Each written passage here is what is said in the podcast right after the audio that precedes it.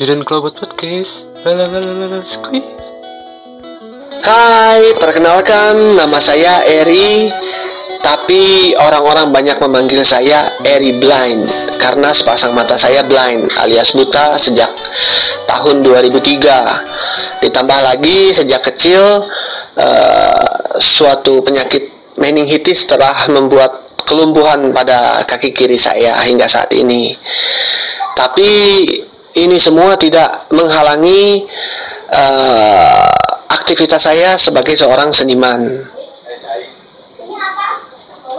Terus eh, berkiprah di dunia seni se- semenjak kapan? Semenjak kapan ya?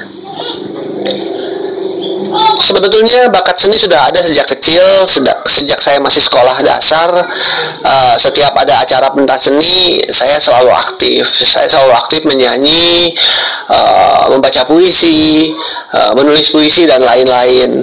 Hingga eh, pada saat kuliah pun, eh, kuliah saya jadi tidak karuan alias tidak selesai ya dikarenakan hobi saya ngeband bersama kawan-kawan dan alhamdulillah eh, dari hobi tersebut hingga saat ini profesi saya menjadi seorang seniman jadi eh, pengalaman saya ngeband eh, ikut lomba nyanyi pentas seni dan lain sebagainya itu yang membuat eh, saya menjadi seorang penyanyi, eh, pencipta lagu, dan juga eh, produser lagu saat ini.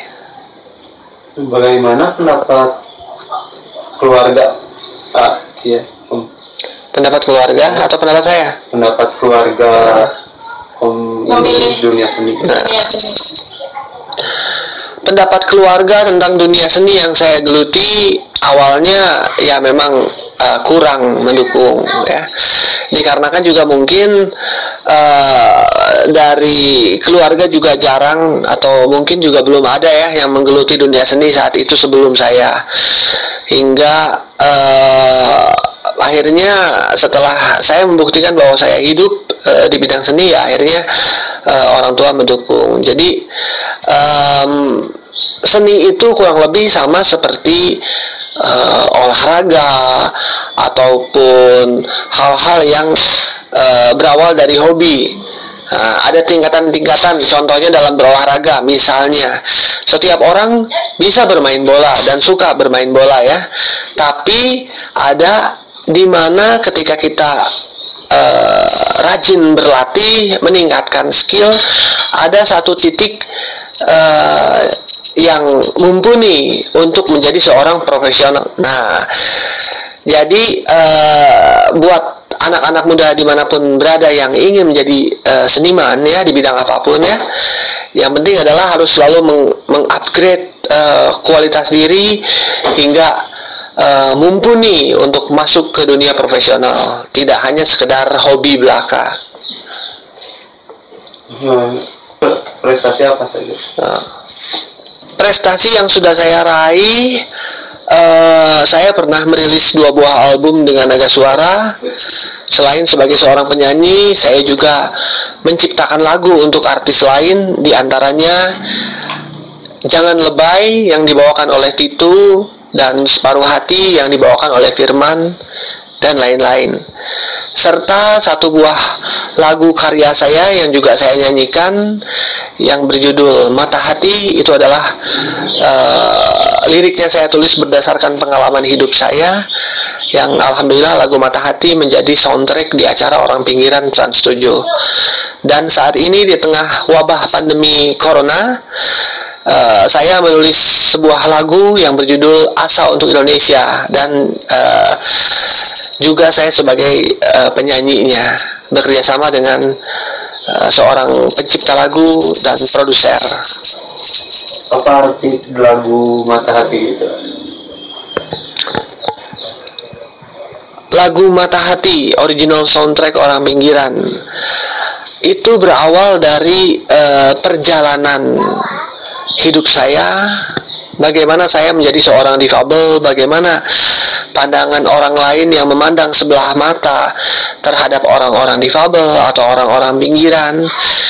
Juga eh, yang membuat mungkin lagu ini cocok menjadi eh, tim song di acara orang pinggiran di mana isinya adalah bagaimana kerasnya sebuah perjuangan keringat dan air mata yang pantang menyerah eh, meski derita dan badai tak henti menerpa tapi aku tak akan henti bertahan hingga nanti gitu kan.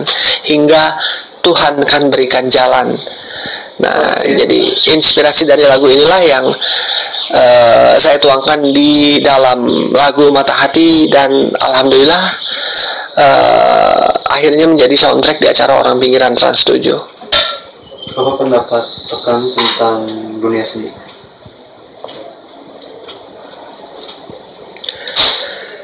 Pendapat saya tentang dunia seni saat ini ya. Uh, saat ini memang uh, dunia seni sedang mengalami suatu transisi yang hebat di mana karya-karya seni klasik itu sedang bertarung melawan uh, karya-karya modern yang uh, canggih dan juga jauh lebih murah dari segi nominal.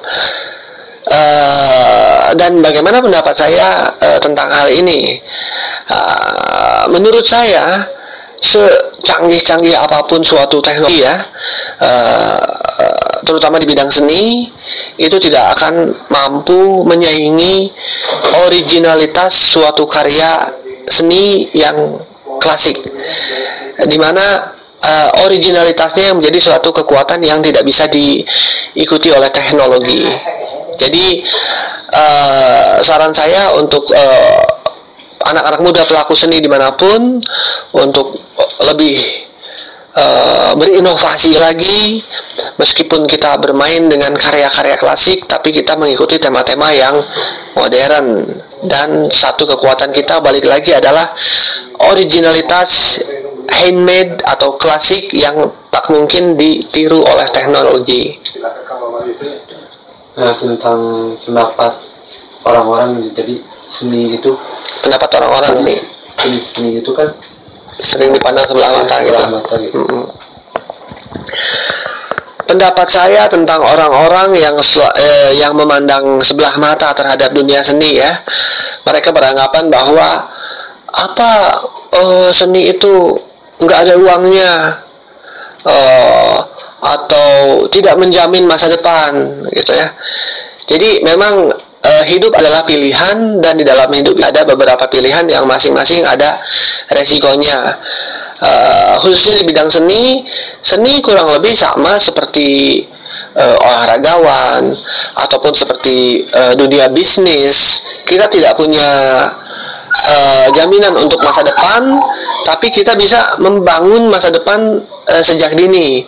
Artinya eh, yang kita lakukan ini harus eh, yang diinginkan orang-orang. Jadi jangan kita terlalu idealisme sehingga membuat karya-karya seni yang hanya bagus menurut kita. Tapi kita harus pandai eh, membuka mata, eh, merasakan apa sih yang saat ini karya-karya seni yang dibutuhkan orang-orang. Nah, di situlah kita ber- berinovasi sehingga apa yang kita ciptakan adalah yang dibutuhkan oleh pasar. Dan tentang eh, pendapat orang-orang yang berpikiran bahwa eh, dunia seni itu tidak bermasa depan dan lain-lain, mungkin mereka melihat dari orang-orang yang eh, tidak profesional di bidang seni. Lain halnya jika mereka melihat contoh orang-orang yang sudah sukses di bidang seni. Nah, jadi eh, mungkin karena pendapat simpelnya ah daripada eh, nggak jelas masa depannya mendingan kamu kerja aja yang udah pasti eh, gajinya sebulan sekian dan lain sebagainya. Ya balik lagi tadi bahwa hidup adalah pilihan. Mungkin ada orang yang berpikir bahwa mungkin eh, 2 juta, 3 juta sebulan eh, lebih eh, bermanfaat buat dia ya dibandingkan dengan kita membuat sesuatu hal yang belum tentu nilainya. Tapi untuk seorang seniman sejati, ketika dia membuat suatu karya yang dia yakini bahwa suatu saat karya ini akan menghasilkan suatu nominal yang tinggi, maka eh, dia akan berusaha sekuat tenaga bagaimana caranya dia eh, bisa membuat suatu karya yang memang layak untuk eh, dihargai setinggi tingginya. terus jadi ah ngefans ke siapa gitu Ngefans ke siapa? ya dalam bidang seni itu sendiri Em, karena saya di bidang musik ya, jadi eh, yang sayang tuh kalau zaman dulu ada Queen ya, Freddie Mercury. eh, dari Indonesia juga mungkin eh, ada Guru Soekarno Putra dengan suara Mahardika. Em, kalau saat ini eh, pokoknya setiap eh, seniman yang inovatif dan berhasil eh, booming dengan karyanya ya saya suka Eh, seperti eh, kalau di luar negeri ada Jason Mraz ada eh, Maroon 5 dan lain-lain. Eh, tidak hanya di, eh, di bidang seni musik saja, eh, saya juga mempunyai seorang idola yaitu pembuat gitar ukir dari Bali, Iwayan Tuges. Meskipun saya tidak melihat, tapi eh, dengan prestasinya beliau sebagai satu-satunya pembuat gitar ukir eh, yang mendunia. Dan itu pun yang membuat eh, saya terinspirasi untuk membangun sebuah bengkel karya di mana saya merangkul eh, kawan pengrajin difabel eh, dan juga kawan-kawan anak-anak muda yang memiliki eh, bakat di bidang seni. Eh, di bengkel karya mata hati ini kita bersama-sama eh, bekerja sama untuk membuat karya-karya seni yang eh, insya Allah suatu saat bisa menjadi eh, seperti Iwayan Tugas idola saya. Dan ini salah satu contoh eh, gitar ukir yang eh, dihasilkan oleh bengkel karya mata hati. Ini bahannya 100% bodinya bambu eh, dan dihiasi dengan ukiran khas Nusantara. Harga harga ininya berapa? Satu unit gitarnya hmm, kayaknya sih belum saatnya lah untuk seperti itulah. Iya jadi kalau kalau seni itu nggak nggak layak dibilangin seperti itu. Iya. Gitu